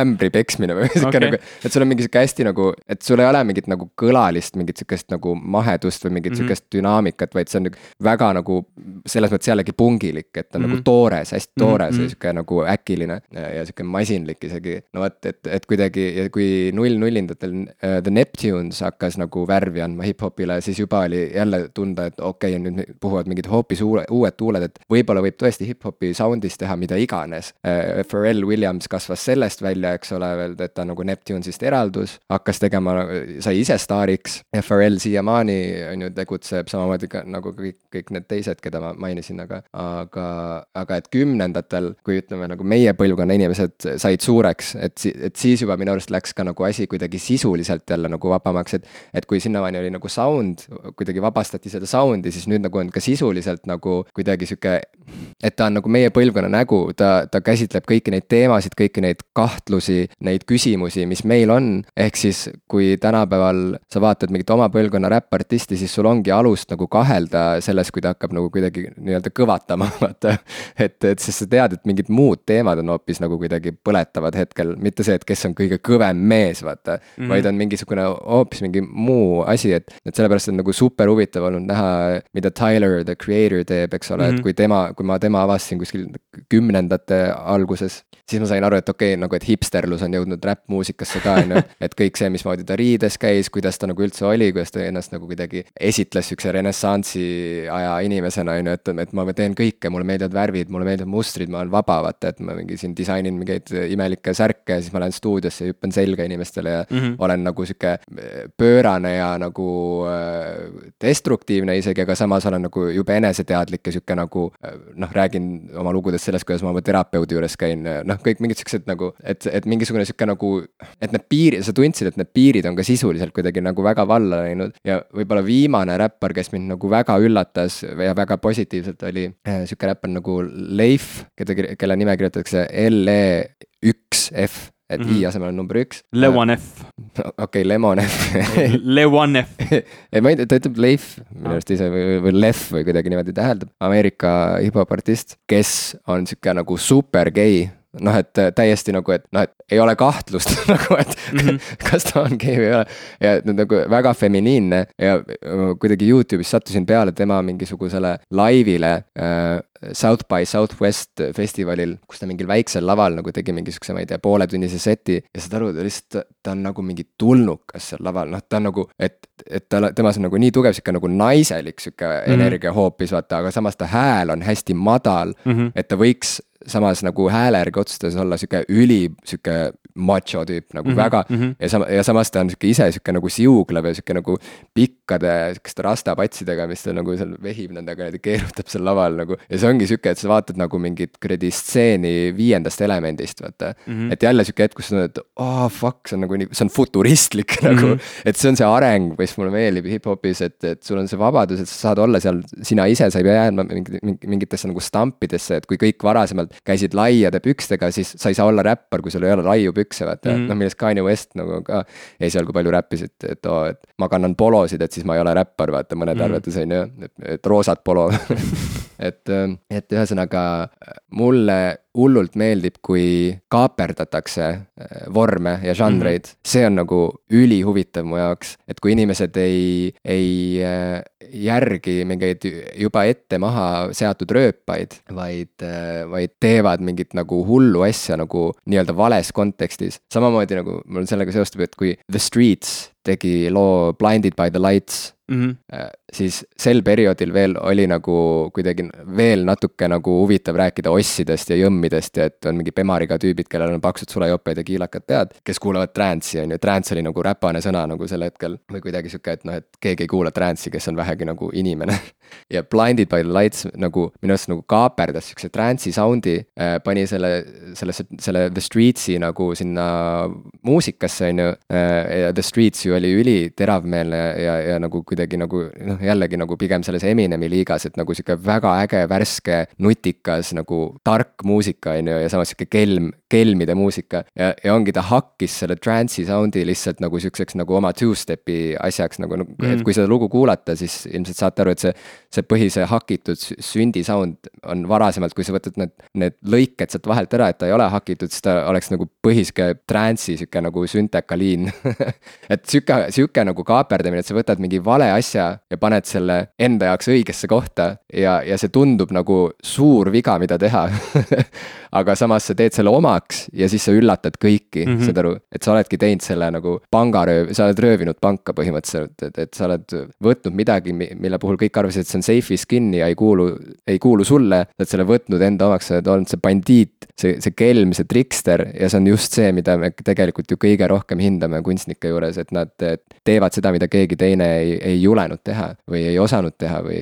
ei söandanud ja, ja teevad selle enda omaks ja siis näitavad, et näete, ei ole mingeid piire, me oleme vabad jah, selles suhtes küll ja, ja tõesti, kui ma mõtlen nendele artistidele hip-hopis, keda ma täna kõige rohkem hindan, siis see, seesama jutt, et kuidas see sisu on muutunud äh, nii palju teistsugusemaks, noh, ma mõtlen jällegi Open Mike Eagle, Aesop Rock, äh, need artistid laulavad oma, oma nõrkusest, mitte oma tugevusest. Need teemad ei ole mitte see, kui äge vend ma olen, kui ma peol käin, kui kõva, kõvasti ma pidu panen, vaid sellest, kuidas ma tunnen ennast isoleerituna, kui ma olen peol, ma tunnen ennast nagu ma olen võõras maailmas, nagu ma ei kuulu siia. ja, ja noh, see on nagu hästi inimeses kinni, kellena ta ennast tunneb, mina pigem tunnen ennast jällegi peol nagu sihuke võõrkeha ja, ja see kõnetab mind palju rohkem, et, et hip-hop täna on palju rohkematele kättesaadav, kui ta kunagi on olnud. just seetõttu, et noh, ega meil need teised teemad kadunud siis ei ole, mõnes mõttes nagu me enne ütlesime, Kool D puhul need teemad on võib-olla teistsuguse varjundi saanud. me ei, me ei defineeri neid enam nii nagu siis, aga, aga noh, võib-olla siis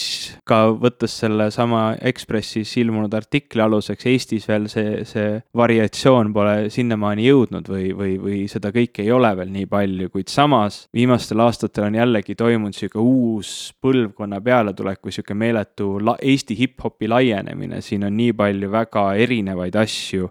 noh, me võime jällegi mainida Chalice'i, kes läbi oma karjääri, läbi oma plaatide on, on eksperimenteerinud hip-hopiga, mis polegi enam väga hip-hop, vaid on lihtsalt klaveriballaad.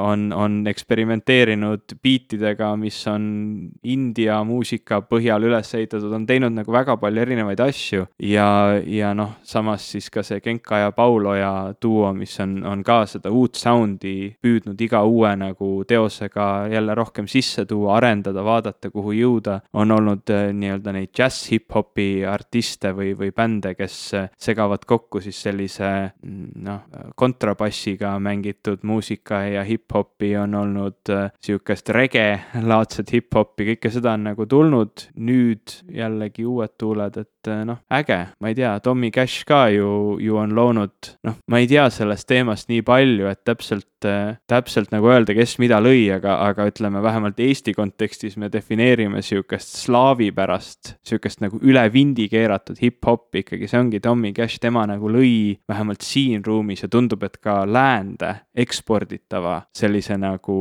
mm,, sellise nagu äh, slaavi madalkultuuri üllitise või sihukese nagu ülistuse. jaa, aga vaata, seal ongi jälle see kaaperdamise moment moment, mis ja. teeb selle eriti huvitavaks, et kui ta oleks läinud sinna mängima mingit Lasnamäe kaaki ehk siis kõvatama mm, -hmm. siis see ei oleks toiminud. aga mulle näib, et ta ikkagi on väga julgelt äh, selline, nagu ta on, ehk Jah. siis, et äh, jällegi ta on, ta on küllaltki Jah. nagu jällegi sihuke küllaltki sihuke feminiinne äh, artist äh, oma kuidagi nagu kehakeelelt ja mm Mhm. -hmm. kuidagi, noh, ta on sihuke nagu õbluke tüüp, on ju äh, ja, ja ta on sihuke hipster, on ju, ja ta ei varja seda ja ta on liitnud selle kokku kogu selle Lasnamäe nõukaaja äh, fake adi teemaga kuigi Ja- tema puhul vist on see Põhja-Tallinn rohkem, mitte Lasnamäe, ma ei teagi, kust, kust ta pärit minu on. teada ta on Lasnamäelt Ah, ah, võib-olla. pärit ja ta on nüüd oma esimesed videod ju ka või vähemalt üks tema mingi varasem video seal toimub Lasnamäel mm Mhm. -hmm. ja ta on sihuke nagu, ma võin eksida, aga, aga vähemalt mul on kuidagi kuskilt niimoodi Mhm. mm -hmm. meelde jäänud. et see, just see julgus jah, et mitte äh, maha salata seda, mis on sulle loomuomane või kust sa oled pärit nagu, mis on see sinu taust ja, ja, ja, ja, ja, ja mis sa oled milline sa oled, et sa ei pea mingit nägu tegema, et minu arust nagu hip-hopis on väga raske petta ära inimesi mm. -hmm. et, et sa oled seal ikka üsna nähtaval tegelikult, et äh, kohe, kohe on näha, kas sa nagu oskad sõnu seada või ei oska, kas su jutus on mingi mõte, mingi sisu või ei ole, kas sa nagu tuusad lihtsalt või sa päriselt oledki tuus, noh, et see on nagu, see on lihtsalt kohe näha, et, et võib-olla mingite žanrite puhul, kus sa oled rohkem, ütleme, hea näide on mingi elektrooniline muusika, mis võib oma kõlalt olla nagu üliagressiivne ja sihuke nagu ülbe ja võib-olla sa oledki, sa esined mingis hämaras klubis, sa oled nende äh, süntesaatorite ja sampleri masinate ja nende läpakate varjus seal, on ju. Keegi ei näegi sind, noh, et see lihtsalt, et see, see, see sound ise kõneleb sinu eest, aga, aga hip-hopparina sa oled ikkagi nagu poeedina, sa oled, põhimõtteliselt sa oled ikkagi nagu, sa oled üksi seal spotlightis, mikker käes ja, ja sa oled see, kes sa oled seal, noh, et et, et see on sihuke karm, see on selles mõttes nagu väga karm ja nagu väga nagu läbi, sa oled läbinähtav, kui sa oled seal nagu spotlight'is. jah, see ongi noh, sedasama, sama tegelikult evolutsiooni ja noh, ütleme muutusi on, on lahe vaadata ka rokkmuusika puhul, milles mina tunnen ennast võib-olla kodusemalt, vaata sa ütlesidki, et noh, et see agressiivsus ja värk käib seal kõik samamoodi sinna juurde, et et noh, kui see, kui see rokkmuusika nagu algas seal, noh, sa rääkisid, eks ole, Elvisest ja, ja, ja kõigest sellest, et noh, siis ta oli jällegi sihuke ka mm, selline äh, revolutsioonimuusika või me tahame nüüd midagi uut, me tahame midagi tugevat, midagi julgemat ja see kuidagi kandis seda, järjest rohkem tulid need tugevamad, julgemad, rohkem kärisevad, jõulisemad äh, bändid, see, see sound nagu kasvas üles järjest võimsamaks, kuni me jõuamegi siis nende heavy metal artistideni, kes üritasid üksteisest järjest äh, valjemad, kõvemad, maskuliinsemad olla, eks ole, noh, Manovar on ehitanud kogu oma, oma, oma act'i selle peale, Manowar, eks ole, et me oleme mehed, pange yeah. tähele, eks ole, meil on mõõgad. Ja kujutage ette, mida me kõik oskame nende mõõkadega teha veel, et, et noh, ikkagi noh, samamoodi ju seal läheb see, see teema sinna peale, nagu sa varem rääkisid, et, et, et kellel on mis kehaosad, eks ole, verised, et, et Manovaril on ju, ju pooled lood sellest, kuidas, et, et uh, the blood of my enemies shall be on my blade või, või mul, mul ei tulegi need päris sõnad enam meelde, aga see oli umbes niimoodi, et, et kuidagi, et meie, meie terad ei kuiva ära enne hommikut, eks ole et noh, kõik see on nagu, kõik see on nagu seal väga sees ja samamoodi siis olid nagu kõrvale tulid sellised äh, artistid, äh, kes otsisid selles muusikas nagu midagi muud, progerokk, eks ole, arenes seal omapidi, otsisid sealt seda sisu rohkem, otsisid sealt mingit, mingit nagu klassikalist kompositsiooni. samal ajal, eks ole, tuli punk peale, ütles, et me ei taha olla nagu need vennad, me tahame olla jälle see toores ja see, see lihtsus ja, ja kõik tuli läbi. Mm, ja, ja samal ajal jällegi arenesid mingid tüübid, kes ütlesid, et noh, see ongi kõik ju väike show ja, ja see glam metali värk, kus räägiti, et vahepeal olid, olid äh, Mötley Crüe äh, mehed plaadikaanel ilusamad kui enamus äh, Los Angelesi stripi naised, eks ole, ja noh, kõik sihuke või ilusamad naised kui, kui need naised, et, et noh, see, see kõik ju läheb niimoodi, see kõik lööb laiali, siia tulebki juurde nagu noh, ideaalis see lõpuks lähebki sinnamaani, kus sedasama žanrit, see žanr on, on küps, ta, ta on nüüd kõigile. ma ei tea, kas kunagi saab olla sihukest lõpp, lõppu, noh, räägitakse palju, ma ei tea, džäss on surnud ja rokk on surnud, et džäss kui selline väga vana muusikastiil, noh, ta on nii palju laiali löönud, et, et kuhu ta täna veel areneb, aga ja kui sa vaatad džässkaare kava, siis tundub, et kõik on džäss jah, aga noh, vaata, vaata, see ongi nagu, nagu, et sul ei saa, sul tegelikult ideaalis, noh, sul ei saakski seda lõppu tulla, muusika yeah. areneb pidevalt, tulevad uued žanrid juurde, tulevad uued viisid muusikat teha. tänapäeva selline elektrooniline muusika sample imine, kõik need asjad on jõudnud jälle mingile tasemele, kus nad meeletult mõjutavad kõiki žanrid enda ümber, rocki, džässi, mida iganes, et noh, rockis samamoodi rock on surnud, et noh, samamoodi tegelikult ju tänapäeval kõik see hip-hop mõjutas rocki siin, ma ei mäletagi, millal see oli, noh, ala, alates tegelikult Run DMC-st ja Aerosmithist ja, ja kuni äh, Limp Bizkiti ja siukse räpp-rockini ja, ja kõigeni välja ja, ja noh, see kõik pole kuhugi tänapäeval kadunud, see võib-olla sellelt areenilt on kuidagi jälle ära vajunud, aga, aga see kõik toimib ja, ja hip-hopi puhul nagu ta on tugev ja, ja korralik žanr, eraldi muusika nagu alaliik, see, see kõik toimib väga hästi ja, ja tõesti, võib-olla Eesti pole veel valmis valmis kõikideks selle žanri noh, väljendusvormideks või, või vähemalt need pole siia jõudnud veel nii, nii tugevalt. ja see lause, et Eesti pole veel valmis selleks ja teiseks on alati sihuke väga suur statement, aga ma tean, et see, see kohe kuidagi täiendasid seda ka. see on, see on alati on paha öelda, see, see ajab mind samamoodi närvi nagu igasugused laused selle kohta nagu Eesti kohta on see lahe või noh, midagi sihukest yeah,, et nagu ma ei uskunudki, et Eestis sihukest asja tehakse, et see on nagu nii mõttetu selline väike, väikese koha mentaliteedi esiletoomine, et noh, tegelikult meil tehakse asju, mis on maailma kohta päris ägedad ja, ja ei peagi kuidagi rohkem. ja no see ongi järjekordne stamp, et sa justkui pead kõrvutama või võrdlema või ütlema, et noh, et maailma kohta see on nii, aga Eesti kohta see on naa et mm. või noh, et kui, et jah, et maailma mõistes see ei ole hea bänd, aga Eesti mõistes see on väga hea bänd. No et see on sihuke what the fuck no.. teatud mõttes, ütleme sellest, mis meie turul toimub, on kindlasti mõjutab see, et noh, tegemist on Eestiga, eesti keelt räägib väike osa inimesi, siin on, siin on nagu raske väga niši asja teha, sellepärast et ilmselt sinu väikesel niši asjal on ka, asjal, väikesel niši asjal on ka nii väike niši publik, et sa ei saagi nagu noh no. nojah, aga sa ei jõua sellega see, kuhugi. oleneb, mis mõttes raske, et ilmselt siis nagu rahalises mõttes raske, aga muidu ju on kõigil vabadus teha mida iganes, et seal oli, loobitakse kividega surnuks või midagi, et.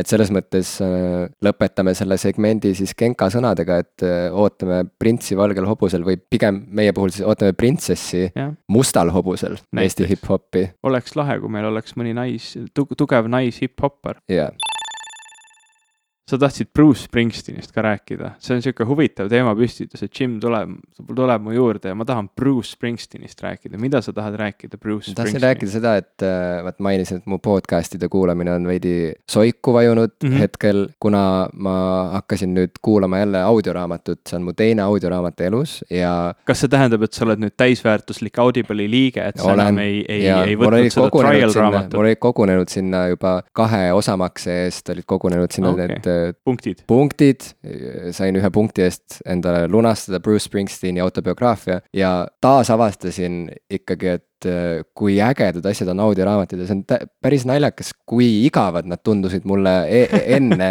nagu eemalt vaadates mm, -hmm. kui mhm. ma raamatupoes sattusin ühel või teisel põhjusel audioraamatute sektsiooni, mida sa naljalt ei leia tegelikult mitte kuskilt yeah,. Yeah. kui kuskil oli, siis sa näed, et okei okay,, siin on nüüd viisteist plaati, kümme neist on mingid laste muinasjutud, okei okay,, sellest ma saan aru. Kivirähi see rehepapp, eks ja, ole. ja siis on mingite hästi mornide, hästi minimalistlike kujundustega siuksed mingid kribukirjas on kirjutatud mingi mingi autori nimi, mingi pealkiri, siis mõtled nagu oh, oh, seal on mingi kestus, ma ei tea, kaksteist tundi, mõtled nagu oh my god, nagu. palun ei. ja, et ma ei taha seda CD-d, noh, et ta lihtsalt nagu ta üldse ei kutsu. ja, ja, ja, ja nüüd Audible'i kliendina äh, kuulates Bruce Springsteeni autobiograafiat, kus Springsteen ise loeb seda sisse, on ju, ise kirjutas, ise loeb. jällegi ma pean rõhutama või kuidagi jagama seda avastamisrõõmu, et kui vägev see on tegelikult, et on üldse sihuke võimalus, et sihuke elav legend pajatab sulle kuusteist tundi järjest kogu oma eluloo. ta loeb seda ise ta loeb ise seda wow.. ja, ja, ja. kas see on ka raamat, mille ta on nagu ise, ise, ise kirjutas mm, -hmm. ise kirjutas ja, ja, ja ise loeb ja jällegi sihuke meediumi plussid, eks ole, vaata nagu ma rääkisin Amanda Palmeri raamatu puhul, et seal olid vahepeal tema enda lood, on ju, et ka mm, -hmm. et on muusik ja siis seal olid need muusikapalad olid mingite segmentide vahepeal, kui see kuidagi äh, sobitus sinna konteksti. Springsteenil seal mingeid täislugusid ei ole, aga ikkagi mingisugused muusikalised katked on seal olemas ja põhjus, miks ma seda kuulan, seisneb selles, et ma ei ole kunagi aru saanud, kes või mis ta on, ma olen alati lihtsalt teadnud, et ta on oluline. aga mõnes mm -hmm. mõttes ta on ka olnud minu jaoks nagu, nagu Elvis, selles mõttes, et mm -hmm. keegi, kes on väga kuulus, aga kes mind ei kõneta lihtsalt mm -hmm. ja ma ei mhm. saa aru, et milles tema mingi nagu sihuke olulisus seisneb siis. et, et sihuke tunne, et see, see, ta kuulub mingisse ae, aega, millega mul ei ole pistmist lihtsalt, ei huvita. ja tegelikult aga... tema puhul ka ta kuulub mingisse geograafilisse paika, mis meie jaoks on kauge ja võib-olla mitte nii relevantne. ja, ja, ja, ja muidugi nagu ongi huvitav, et, et noh, tal on see kuulus lugu Born in the USA, mis on mm -hmm. ilmselt kõige kuulsam lugu, mille ta on elu sees on ju kirjutanud yeah.. ja, ja, ja, ja, ja nii suur rõõm on olnud avastada, mis on peidus pinnal või mis, mis tegelikult Aa. mida see kõik tegelikult tähendab ja jällegi. et, et sa, et sa said üles... teada, et see, see ei olegi USA ülistuslugu, jah? näiteks see mm -hmm. jah, et äh, ja seda ta ka, sellest ta ka räägib oma raamatust, et raamatus, et, et see on see popmuusi-, popmaailma või popmuusika maailma nagu karm omadus, et äh, inimesed sageli lihtsalt kuulavad sind väga pealiskaudselt ja ei süvene ja Born in the USA ongi tema kõige, kõige rohkem vääriti mõistetud lugu nojah, arvata võib äh, aga noh, kui ma no, ütleme lapsena seda kuulsin, ma nägin seda Ameerika lippu lehvimas seal mingi Texades tüüp valge särgiga, siis tundubki nagu, et okei okay,, jälle järjekordne sihuke kõvatamine mm -hmm. nagu.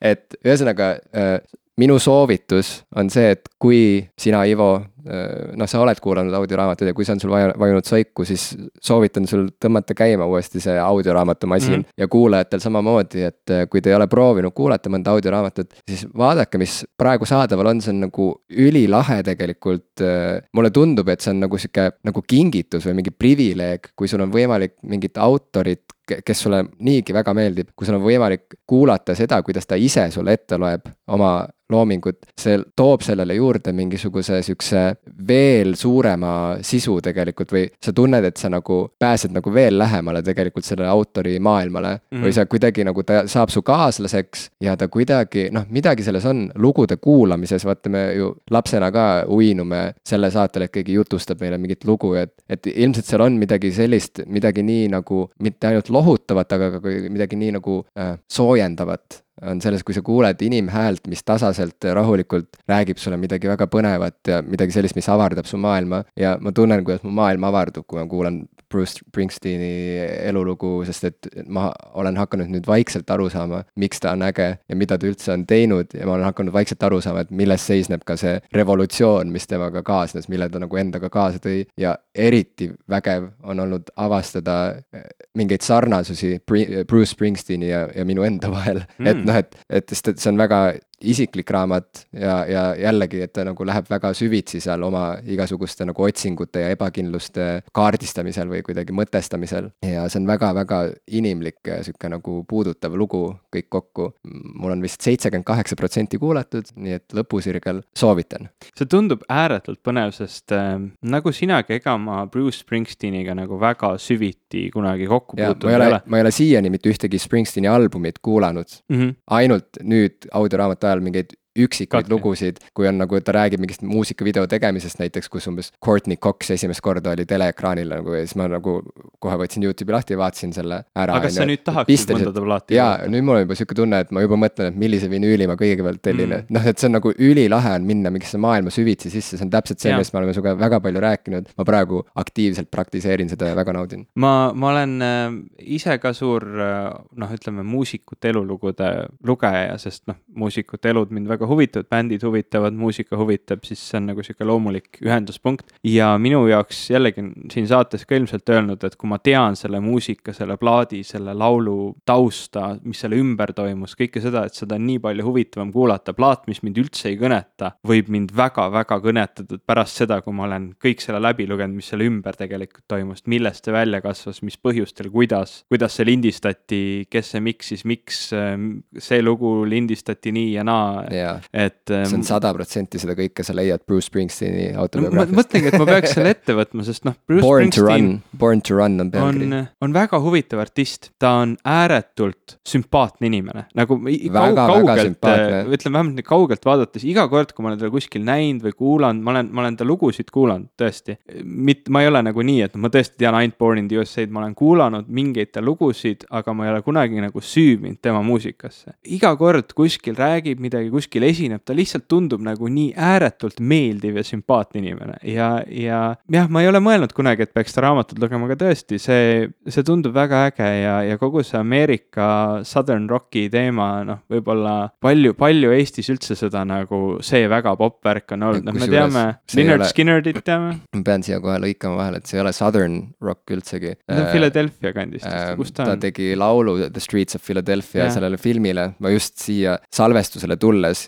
ta just rääkis mulle mm -hmm. sellest, mulle isiklikult rääkis mu kõrvaklapid, kuidas ta seda lugu tegi, aga see oli filmi jaoks, okay. filmi soundtrack'i jaoks, aga kohe... Bruce Springsteen on see inimene, kes pani New Jersey maailmakaardile. vot, vot, vot, tuleb ja New Jersey on see, kust on sopraanode tegelased kõik mm -hmm. pärit ja ta ütleski, et need inimesed, kelle, kelle seast ta üles kasvas, nad oleks võinud vabalt kõik olla sopraanode mm -hmm. näitlejad yeah,. Yeah, okay. et siuksed Iiri ja Itaalia katoliiklikud perekonnad. aga vaata, kuidas tekib neid siukseid random seoseid, ta on kirjutanud kunagi ühe loo Streets of Philadelphia, ilmselt no see ongi see, jaa, jaa, no just. minu jaoks Ameerika muusika on üleüldse kuidagi nii huvitav ja ka viimasel ajal palju rohkem sügavust ja, ja, ja keskendumist äh, minu jaoks nagu tekitanud, et noh, kogu country skeene täiesti meist väga kaugel, eks ole, noh, enamus, enamus Eestis seda väga ei mõista või, või ei huvitu või ta on meist kultuuriliselt kuidagi väga kaugel, aga, aga jah. kukerpillid on sinust kultuuriliselt kaugel või? mis sa nüüd räägid?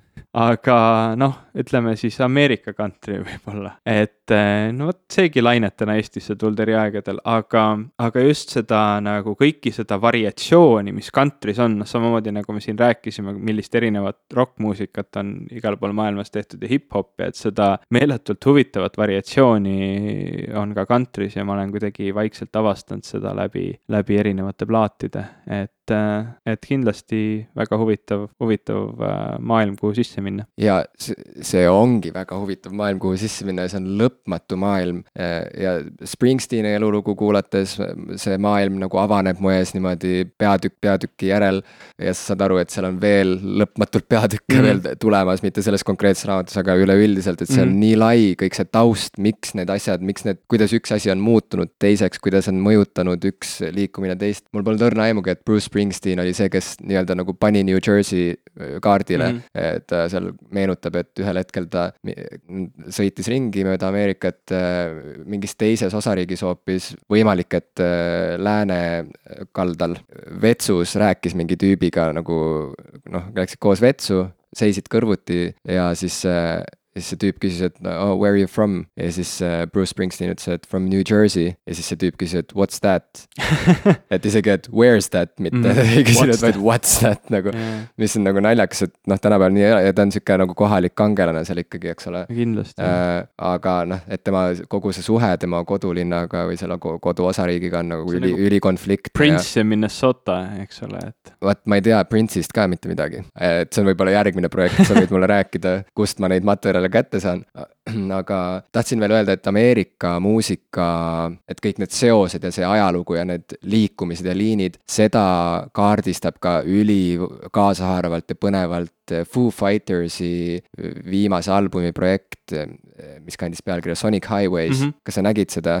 Ma olen vist vaadanud sealt umbes kolme osa, äkki mm. kõiki ei olegi, ma ei tea, miks ta mul pooleli jäi, ma ei mäleta Vaat, enam. ma ka ei kujuta ette, kuidas see sai sul pooleli jääda, ma mm., ma vaatasin seda ikkagi koos elukaaslasega, vaatasime nagu väga pühendunult ja meid nii mm. hullult haaras see kaasa, et see oli siis Foo Fightersi siiani viimane album, mille nad salvestasid niimoodi, et nad sõitsid, eks ole, mööda Ameerikat ringi ja igas peatuspunktis nad tutvusid kohaliku muusikaskeenega Nad kaasasid kohalikke muusikuid ja selle kõige käigus äh, kuidagi tutvustasid siis selles doksarjas, äh, on ju, äh, selle kohaliku muusika ajalugu või popmuusika mm -hmm. ajalugu ja siis iga osa päädis sellega, et nad seal kohapeal salvest-, mõtlesid välja, kirjutasid, salvestasid äh, mingi uue loo ja mm, -hmm. ja siis kogu see album lõpuks on sihuke nagu natuke sihuke nagu Ameerika muusikakaart või mingi sihuke nagu, et see, see, seda sarja ma väga-väga soovitan ka, Sonic Highways album kannab sama pealkirja ja see doksari kannab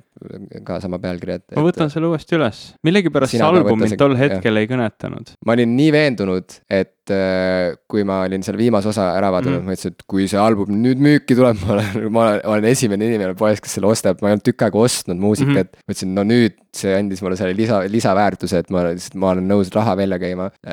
ja ei, ma ei ostnud seda okei ja ma ei ole seda isegi kuulanud enam, okay. täpselt see tüüpiline. Nende plaat enne seda, kas oli Wasting Light vist yeah. oli lihtsalt nii võrratu teos, see on, see on nagu nii hea plaat nagu igas mõttes, et, et kuidagi pärast seda see Sonic Highways, ma pean ta uuesti üles võtma, ma pean selle sarja läbi vaatama, selle plaadiga uuesti võtma, sest ma tean, ma lähen see suvi Foo Fightersi kontserdile, niikuinii peaks ennast ette valmistama, eks oh, ole. kus see toimub? Riias. lahe, aa, see oli väga ammu, kui need Juun, plakatid olid juunis tänavatel, juunis mingi juuni, mm,. ei mäleta, mis juuni, aga juuni. vägev, aga juunis toimub midagi veel isegi tähtsamat, vähemalt meie jaoks, kui Foo Fightersi kontsert, et, et juunis toimub meie, meie üheaastane sünnipäev, mille me oleme täiega juba praegu välja mõelnud, kuidas see tuleb ja, ja me oleme nagu täiega kindlad, et see on äge ja me teame kõike, aga me lihtsalt ei ütle seda praegu, sest me tiisime, ah-ah-ah.